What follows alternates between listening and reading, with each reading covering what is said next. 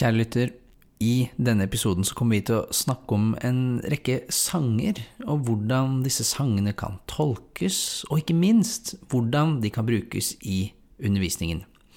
Så hvis du har lyst til å få maksimalt ut av denne episoden, så bør du ta pauser underveis og høre på de låtene som vi kommer til å snakke om. Derfor så kommer vi da til å legge inn små pauser underveis for å gi deg et lite hint om at her bør du sjekke ut den låta vi snakker om.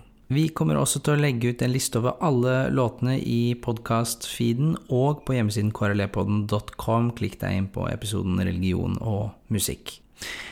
Vi skulle jo gjerne ha inkorporert låtene her, men det har vi ikke rettigheter til, fordi ja, du vet copyright, penger, administrativt arbeid osv. Ok, her er episoden. Du hører på KRLE-podden. Mitt navn er Knut Aukland. Det skal handle om eh, skole, religion og kristendom. Jeg mener at ingen skal tvinges til å gå på skolegudstjeneste. Lærerstudentene har av kunnskap om disse evnene. Faget vil inneholde hele 50% kristendom og bare 50% vranglære. Kompetansemålene i faget. Det K-en gjør nå, er at den bare markerer at kristendommen har en særlig historie hos oss. Og det er jo sant. Den K-en kom til for tre og et halvt år siden. Den var ikke der før. Det handler først og fremst ikke om K-en. Uh, RLE-faget har jo en litt brokete historie. Abonnerer de selv på KRLE-podden som lærer? Ja, det er en selvfølgelig ting.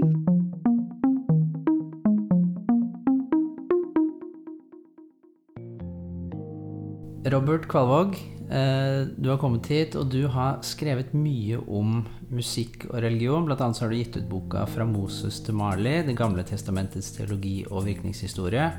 Og du har også publisert en bok som heter 'Det ellevte budet religion og rock'n'roll'. Og i tillegg til det da, så har du da skrevet en 11-12 artikler om musikk og religion. Blant annet da også hvordan man kan bruke musikk i religionsundervisningen. Og i dag så inviterte jeg deg for å komme hit med en liste over noen låter som omhandler religion. Har du med en sånn eh, liste? Jeg har en liste i hodet. Ja? Ja. Men da vil jeg gjerne si litt om eh, hvordan jeg bruker eh, musikk i undervisningen.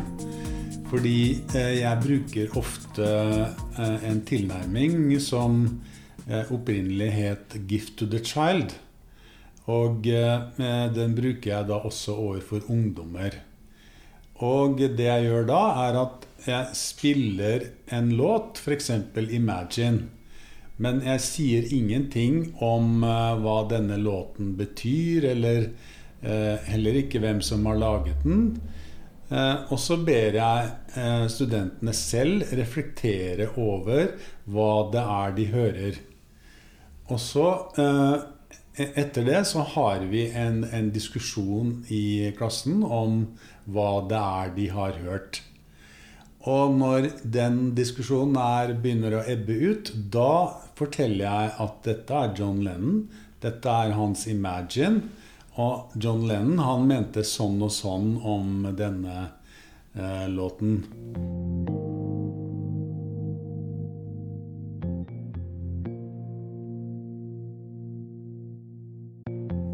Sånn at den, den, første fasen der, hvor de får reflektere over en tekst og legge inn sine egne ting og tanker inn i teksten uten at det er styrt av, av lærer, liksom, den er veldig viktig. Den første låta som jeg vil nevne da, det er John Lennons 'Imagine'. Den bruker jeg når jeg har om humanisme. Ja. Det er en låt som undersøker hvordan religion har vært kilde til krig og konflikter. Og hvordan verden eventuelt kan bli hvis religion blir borte. Og så er det interessant at John Lennon han sier i flere intervju at når han ber eh, oss som lytter om å forestille oss en verden uten religion. Så det han tenker på, er de organiserte religionene. Eh, han tenker ikke f.eks. på at eh, mennesker skal slutte å tro på Gud eller noe sånt, men han mener at de organiserte religionene står for mye av um, Altså har ført til mye lidelse da, i, i, verden. Ja, fordi Når jeg tenker på den låten, så tenker jeg at den er litt religionskritisk. Ja.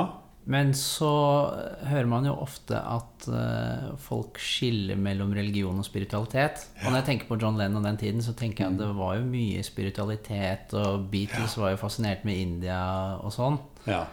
Så det er kanskje et sånn type skille som man kan se i den, eller høre i den låten òg, da? Det er nettopp det skillet der. Og uh, derfor så inviterer også uh, låten til en diskusjon om selve religionsbegrepet. Um, og um, ja, det, det, gjør at man kan få mange interessante diskusjoner da, ut av den ene låten. Kjære lytter, ta en pause og hør John Lennons 'Imagine'. Imagine. Og når du da har spilt denne låten med studentene, da har du mm. brukt denne gift to the child-metoden som du ja. nevnte tidligere. Hva, ja. hva, slags diskusjoner, Hvordan har det fungert med akkurat den låten? Jo, det har fungert på den måten at uh, noen studenter de um, tenker at uh, Oi, han som har skrevet dette, han, han uh, er ateist. Og han passer godt inn i såkalte nyateismen. Og eh, ja De eh, kjenner seg igjen der. Mens andre, nei, de sier at eh, det er ikke nødvendigvis sånn å forstå. Og religion kan forstås på mange ulike måter, da. Så Og det er jo helt riktig at religion kan forstås på mange ulike måter, og det er Imagine et godt eksempel på. Men i forlengelsen av dette så har jeg lyst til å nevne en annen låt. Hvis jeg kan få gjøre det. Og det er 'Human' med The Killers. Er, den er enormt populær, og eh, alle, alle, studentene de har et forhold til den låten. Eh, og, og, det er en veldig filosofisk tekst. Og den passer også veldig godt til 'Gift of the Child'-tilnærmingen. At de får høre eh, låten først. Eh, og så deler jeg ut teksten. Og så sitter de i grupper og eh, diskuterer hva er det human handler om. Eh, og, og, da er det jo også mange ulike oppfatninger der blant studenter. Eh, men noen de ser dette poenget med 'are we human or are we dancer'? Og dancer, da Ok, hva er det? Jo, da er det noen studenter som foreslår Kanskje det er sånn marionettdukker.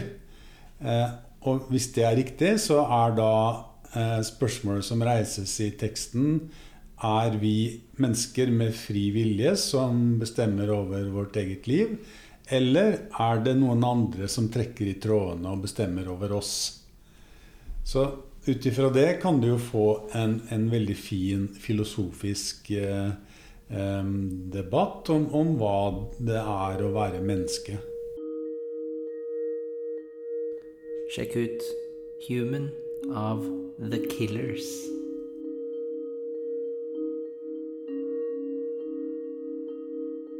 Og så um, blir det da en interessant debatt om vi er mennesker med fri vilje som gjør akkurat som vi vil, eller om vi er styrt og styrt av andre eller makter utenfor oss selv osv. Og, så og um, da, uh, når den delen av samtalen er over, så forteller jeg studentene at eh, han som skrev låten, Brandon Flowers, han er mormoner. Eh, og eh, han gjengir på en måte en del av sin egen troshistorie i denne låten. Og, denne problemstillingen har vært veldig sentral for han. Og, og, og, han gir jo ikke noe fasitsvar i låten, men han inviterer lytteren inn til å reflektere selv over dette spørsmålet. Men når man hører på den låten, får man da inntrykk av at han eh, gjør et oppgjør med, med den troen som han da vokste opp i, eller Eh, ja, eller er det mer at han forteller hvordan hans tro har utviklet seg? Hva, hvor er ja, din tolkning på det? Ja, det er både et oppgjør, men også om hvordan troen har utviklet seg. Og um, ut ifra det vi vet i dag, så er han fortsatt medlem i mormonkirken. Da. Så han har ikke forlatt uh, kirka, men han um, viser at som mormoner går an å stille kritiske spørsmål til sin egen tradisjon. Hvis man ikke vet det, er det noe i teksten som Jeg har jo hørt denne låten før, men jeg hadde ikke jeg ingen anelse om at, eh, at vokalisten var mormoner. Nei, jeg tror alle i gruppa The Killers er mormonere.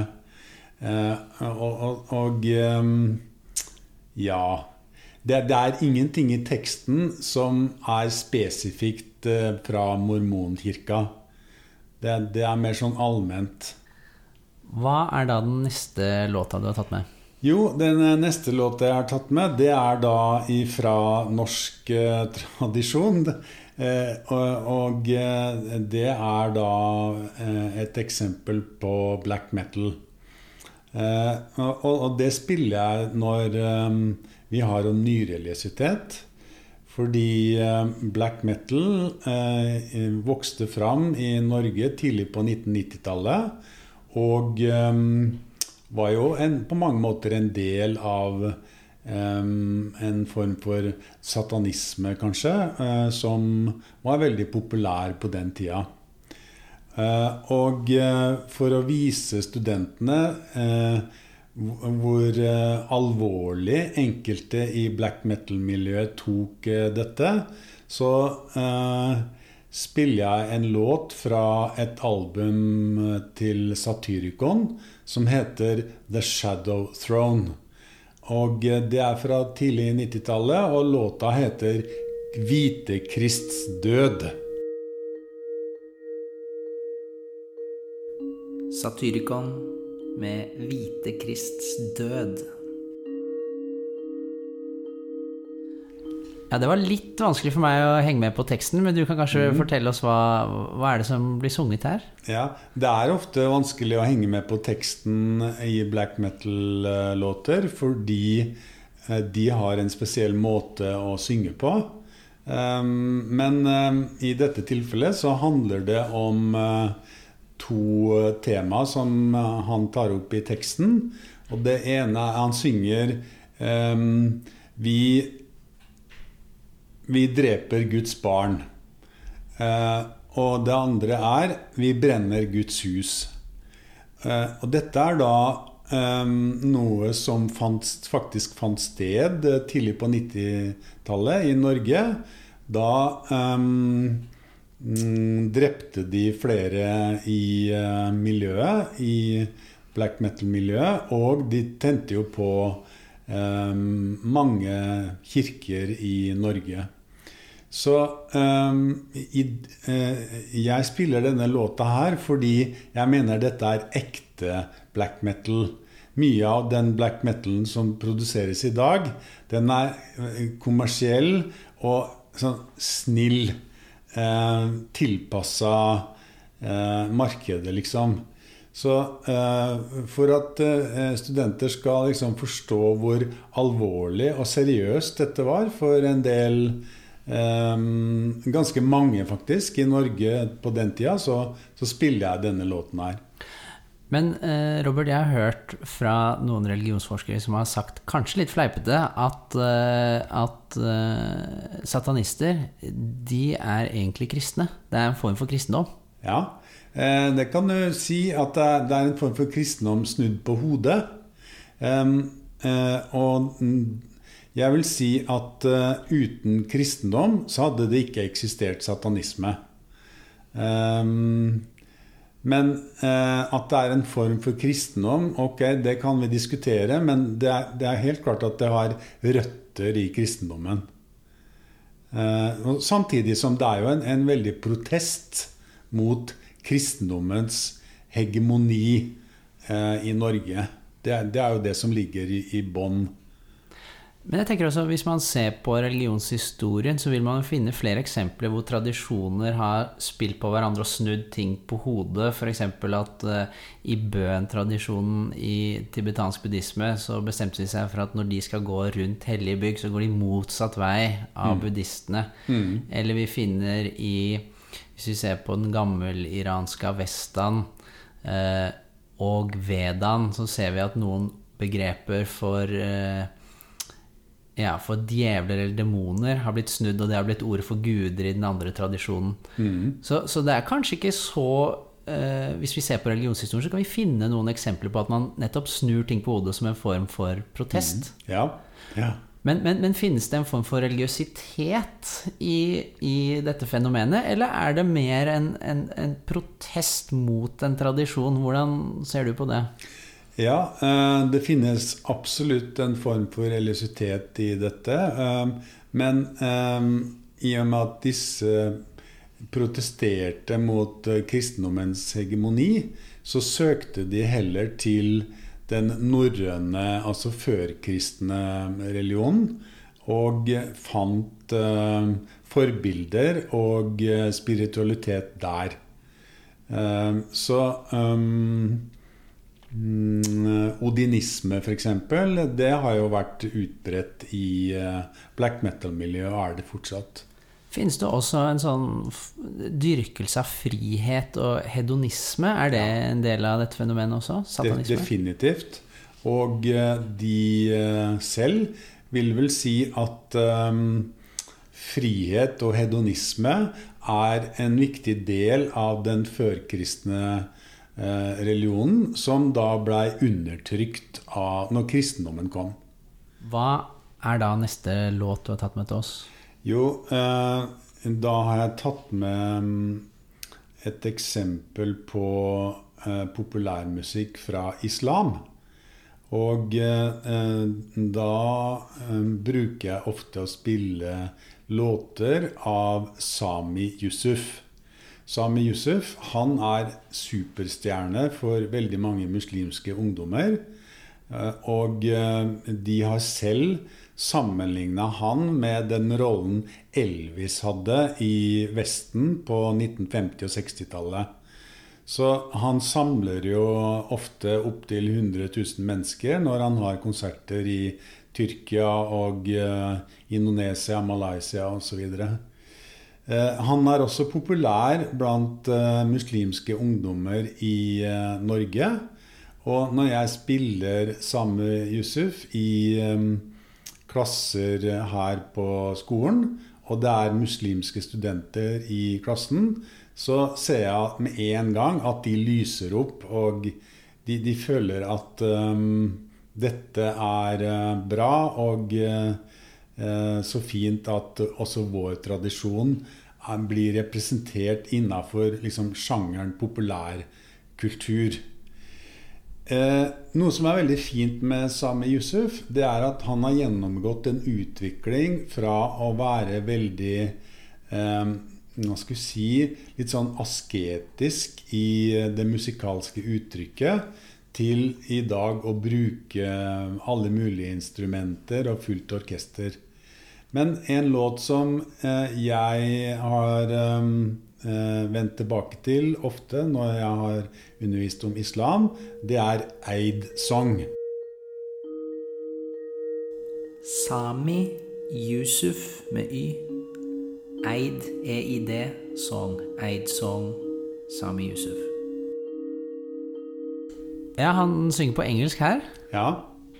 Eh, han synger vanligvis på engelsk, men han synger også på tyrkisk, eh, arabisk eh, og urdu.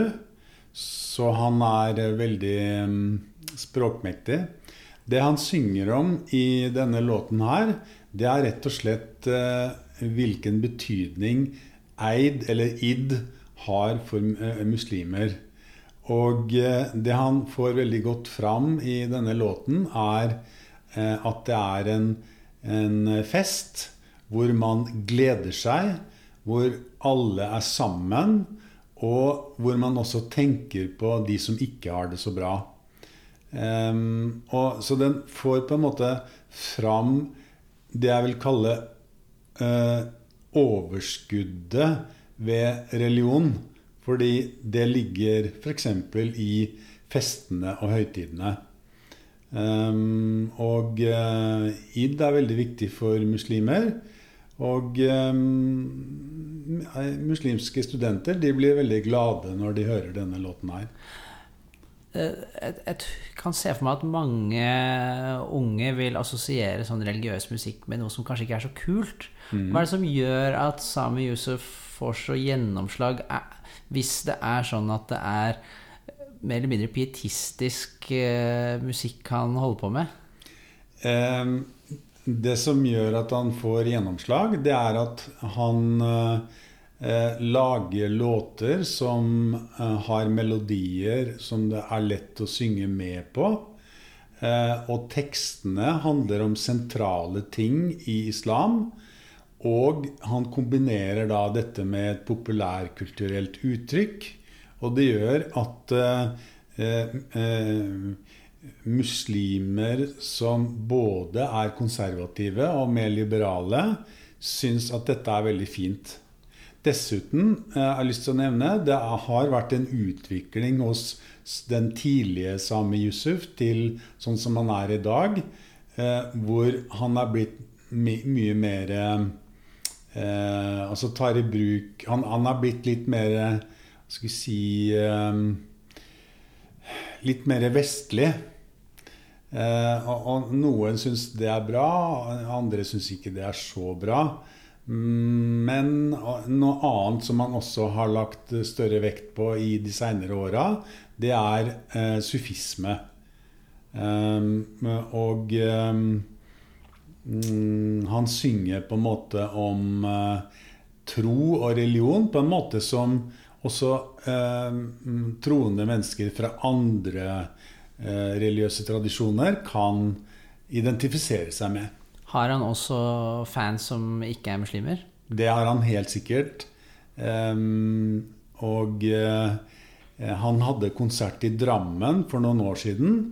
Og uh, i, anmeldelsen i Drammens Tidende så fikk han terningkast fem av en, ja, en norsk journalist som sa at dette er rett og slett veldig bra. Eh, sånn vurdert musikalsk sett, eh, uansett om du er muslim eller ikke. Neste ut, eh, da tenkte jeg vi kunne ta hinduismen. Og i hinduismen så er det egentlig mye å ta av når det gjelder populærmusikk. Det er f.eks. mulig å spille en klassiker som My Sweet Lord med George Harrison. Det var George Harrison der. George Harrison, My Sweet Lord. Men um, um, jeg pleier da ofte å spille uh, Hare Krishna-mantraet. Fordi uh, Hare Krishna-mantraet, sånn som det framføres av Radha Krishna Tempel i London, Um, og ble innspilt på plate på slutten av 60-tallet. Det er både et uttrykk for hinduisme og for Hare Krishna-bevegelsen. Um, og um, det er jo da uh, et uttrykk for det som i hinduismen kalles bhakti. så uh, det kan da gi en fin uh, inngangs portal til å snakke videre om uh, sentrale sider ved hinduismen, og hvordan uh, denne formen for hinduisme har fått fotfeste i, i Vesten. Låten heter Hare Krishna Mantra av The Radha Krishna Temple. Eh, det som er fint med å spille denne låten her, det er også at mm, det blir lett for studenter etter å ha hørt denne her, å forstå hva et mantra er. Et mantra, det er en kort setning som du gjentar på nytt og på nytt. Og eh, i dette tilfellet så har de da satt eh, melodi til mantraet, og det gjør det ekstra eh, lett å huske. Så jeg har opplevd flere ganger når jeg har spilt denne her, at studentene kommer etter timen og sier at det, vi får det ikke ut av hodet. Det bare surrer rundt og rundt hele tida. Og hvordan er det sånn teologisk i Hare Krishna-bevegelsen? Hvorfor er det så viktig for de å synge og gjenta dette? Jo, det, det forklarer jeg også studentene. Det er jo fordi det eh, gjør at man blir ett med Krishna. Altså det, det er et uttrykk for eh, kjærligheten man har til Krishna. Og eh, dessuten så bidrar bruk av mantraet til å skape gode vibrasjoner, sånn at uh, man uh, man blir positiv, og i Hare Krishna-bevegelsen så sier de også at hvis mange nok mennesker bruker dette mantraet, så vil det minske krig og konflikter i verden. Eh, neste låt det er en eh, Ulf Lundell-låt som heter 'Gå opp på klippen', eller 'Gå opp på klippan'. da. Og eh, den spiller jeg fordi den uttrykker en religiøsitet som veldig mange studenter kjenner seg igjen i. Og igjen så spiller jeg her låten først uten å gi noen forklaringer. Og så sitter studentene i grupper og diskuterer hva det er de nettopp har hørt. Og eh, her er det også veldig mange interessante diskusjoner hva de får ut av denne låten. Ulf Lundell med 'Gå opp på klippan'.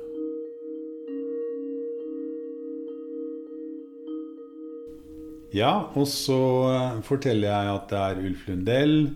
Eh, det er en av de mest kjente svenske artistene fra 80-, 90- og 2000-tallet, egentlig. Eh, og det han gjør i denne låten, og det oppfatter jo studentene, det er at han kommer med en form for religionskritikk. For han sier bl.a. at som menneske så har du ikke behov for en død kirke. Og uh, han sier at uh, hvert enkelt menneske er et tempel i seg selv. Og at hvis du skal finne Gud, så skal du gå opp på en klippe. du skal gå ut i naturen. og du skal kjenne at vinden blåser i håret ditt. Fordi det er ute i naturen det er egentlig naturen som er eh, det guddommelige tempelet. Og det er der du finner det guddommelige. Ikke i eh, katedraler med kardinaler og Uh, igjen altså en kritikk av den etablerte religiøsiteten, og, og, helt klart her særlig kristendommen. Og uh, en vektleggelse av at uh, Eh, mennesket må søke til naturen for å finne det guddommelige. Og dette opplever du at mange av student, altså det resonnerer med mange av studentene? Det er veldig mange studenter som kan fortelle at eh, de et eller annet tidspunkt har vært ute i naturen, og så har de eh, opplevd en type enhet med naturen, eller at et eller annet naturfenomen har gjort at de har hatt det de kaller en åndelig opplevelse. Så det, det, er noe som er felles for veldig mange. Og vil du da si at dette er et uttrykk Både låten og det at studentene kjenner seg mer igjen i dette, er et uttrykk for denne nyreligiøse strømningen som vi ser i dag? Ja, det er et uttrykk for den nyreligiøse strømningen. Men det er et uttrykk for en type nyreligiøsitet som er helt udogmatisk. Og som på en måte um, Altså uh, gjør at det enkelte mennesket blir fritt til selv å finne ut hva det vil tro på, og hvor det vil gå for å finne eh, eventuelt noe guddommelig. Sånn at eh, dette er en type nyrealisitet som eh, egentlig ikke er så veldig ny. Den har nok vært der eh, tidligere også. Men eh, det er, det er eh, veldig mange som kjenner seg igjen her.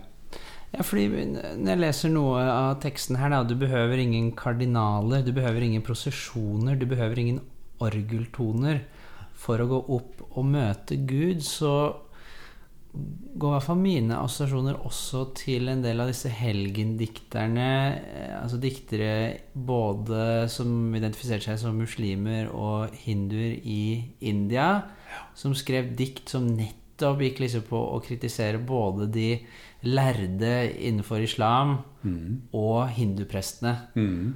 Og så kritiserer de ytre ritualer. Og hvis man leser i Adi Grant, den hellige boka til sikhene, så er mm. mange av de diktene finner vi der, da. Ja. Så følg opp på den ene siden, så sier det noe om eh, den nyreligiøsiteten i dag. Men så mm. er det også noe kjent fra mm. historien ja. i de ulike religionene, da. Ja.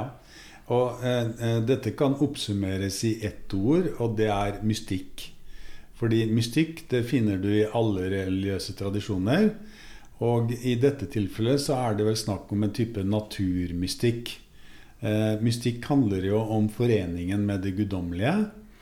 Og her er det en person som da finner denne foreningen ute i naturen.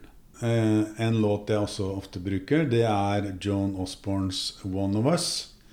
Eh, det er en veldig spennende låt fordi den er delt i to. Eh, den har først en kort intro, hvor det er en person som ikke er John Osborne, som synger om en gud som kommer fra himmelen og ned til jorda for å dømme verden.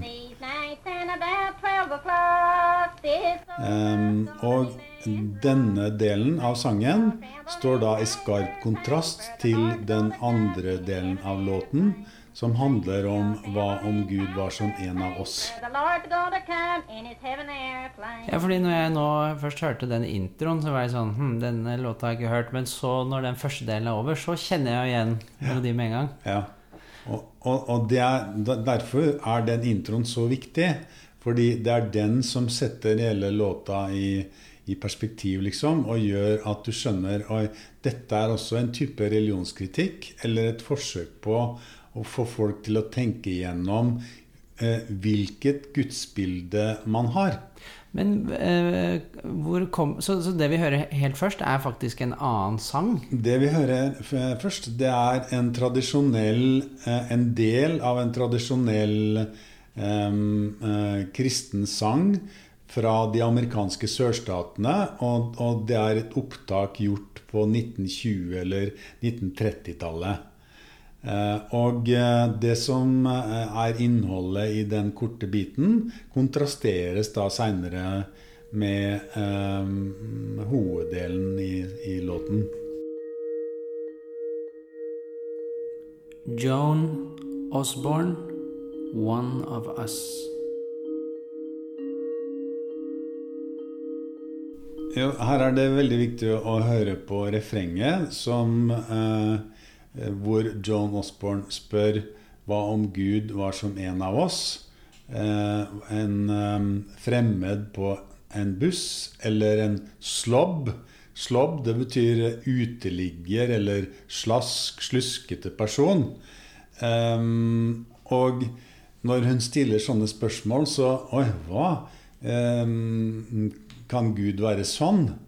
Eh, og, og, det er da eh, det helt motsatte av det vi hører innledningsvis i låten, hvor Gud er liksom allmektig og dømmende og kommer ovenfra og ned.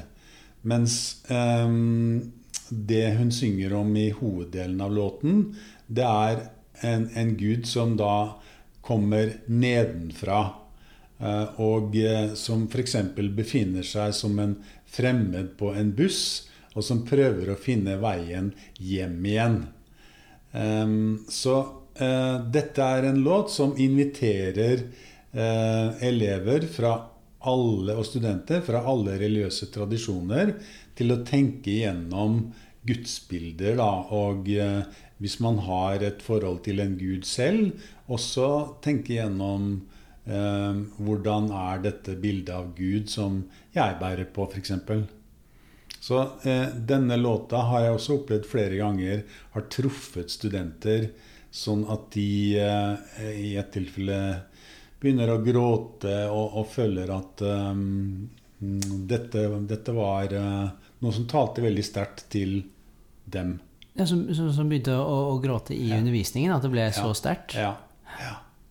Mm, fordi dette, det, det som hun gjør, er at hun synger om Gud på en måte som ikke noen har gjort før, tror jeg. Altså f.eks. å kalle Gud en slobb, da. Den er tidløs. Den har vist seg å være veldig slitesterk. Og når jeg spiller den for studenter, så er de eh, Altså Flere tenker at den kunne vært laga nesten i går. Eh, jo, eh, altså en, så, nå, så er det nå vi kommer til siste låt? Ja. Og hvem blir det? Da, da, må vi ta en låt av og med Bob Dylan. Eh, og eh, da har jeg valgt ut en låt som heter 'Man Gave Names to All The Animals'. Bob Dylan, 'Man Gave Names to All The Animals'. Man Gave Names to All The Animals er da en, en uh, låt som Bob Dylan skrev i den såkalte kristne perioden. Men den skiller seg fra de andre låtene fra denne perioden fordi den er ikke spesifikt kristen. Den er mer fra den jødiske tradisjonen, som Bob Dylan også kjenner veldig godt, i og med at han er i utgangspunktet jøde. Og utgangspunktet for denne låten, det er um, fortellingen i uh, Første Mosebok kapittel 2 uh, om at uh, Gud først skaper mennesket, og så uh, skaper Gud dyra. Og når Gud skaper et dyr, så leder han dette dyret til mennesket, og så sier han 'Menneske, mennesket, hva skal vi kalle dette dyret her?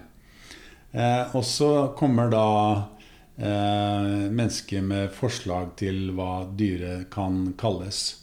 Og, og, og, det Bob Dylan har gjort med denne teksten, det er at han eh, har um, i, i, tråd med jødisk eh, tolkningstradisjon så har han tatt seg friheter i forhold til bibelteksten og diktet videre på bibelteksten.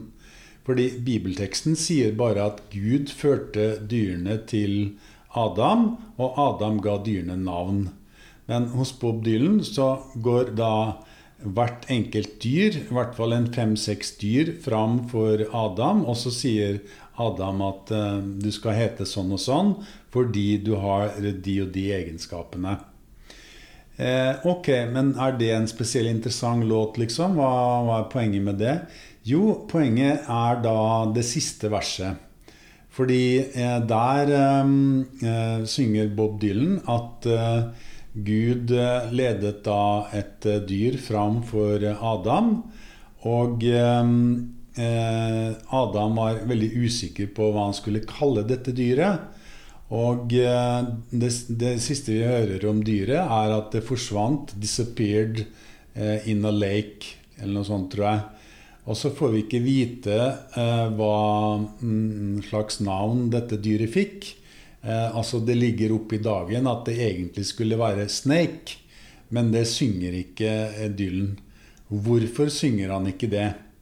Jo, det er fordi at um, i, i, jødisk og, og, også kristen tradisjon så er det sånn at um, ondskapen føres tilbake til slangen. Og eh, denne slangen var noe mennesket ikke kunne kontrollere. Kon, eh, mennesket kunne kontrollere alle dyra, men ikke slangen, fordi slangen var listigere enn alle dyra og lurte da mennesket. Så eh, det som eh, Dylan gjør med i 'Man Gave Names to All The Animals', er rett og slett at han reiser spørsmålet om det ondes problem, det ondes opprinnelse. Og det gjør at uh, denne låten den passer godt f.eks. til å snakke om uh, uh, denne fortellingen i første Mosebok, og problematisere det med slangen. Fordi her er vi jo i paradiset. Og hvordan kan det da ha seg at det i denne fullkomne verden er en slange som representerer det onde? Hvor kommer dette onde fra? Er det Gud som har skapt eh, dette onde, eller kommer det fra en annen kilde? Og, og, eh, og så er det det at eh, mennesket ikke kan gi dette vesenet noe navn, fordi det er dette vesenet som har makt over mennesket, og ikke som med alle de andre dyra, hvor det er mennesket som har makt over hvert enkelt dyr.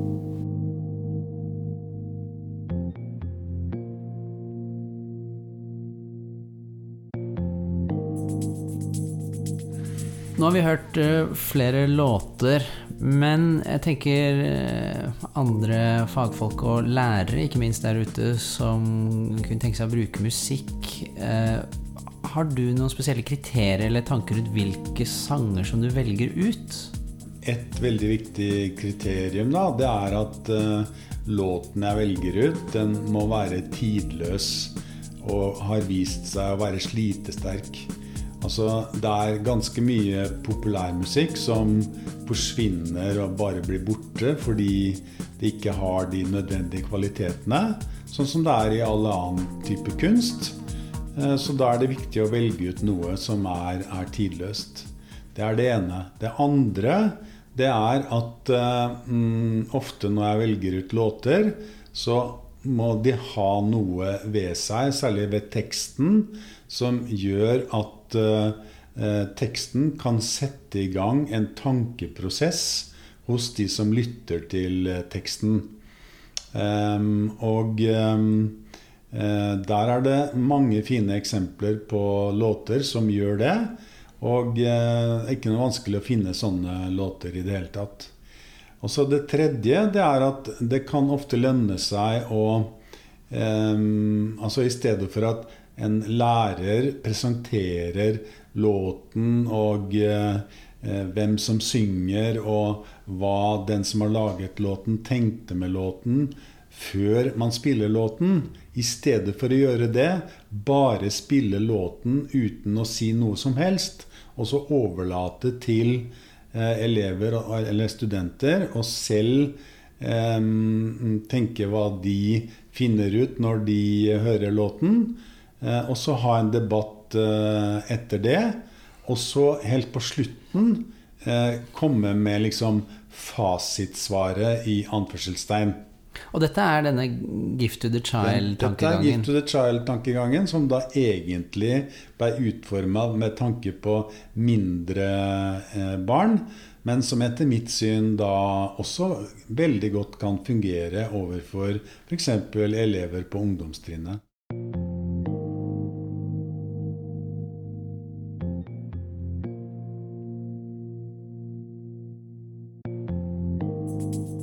Takk til eh, Robert Williams Kvalvåg. Bakgrunnsmusikken har som vanlig vært av Lee Rosevere. Siden jeg startet KRLE-podden i fjor, så har jeg fått med meg Ragnhild Lerd Iversen og Heidi Hansen Tømmerås med på laget, og vi er på utkikk etter andre som har lyst til å være med og bidra og være med i redaksjonen. Og vi er også i gang med å starte en egen KRLE-podden studentgruppe. Så hvis du er en student eller lærer eller fagperson, eller bare er interessert i religion i skolen og kan tenke deg å bidra på en eller annen måte, så ta for all del kontakt. Gå inn på krlepodden.com. Mitt navn er Knut Aukland. Vi snakkes.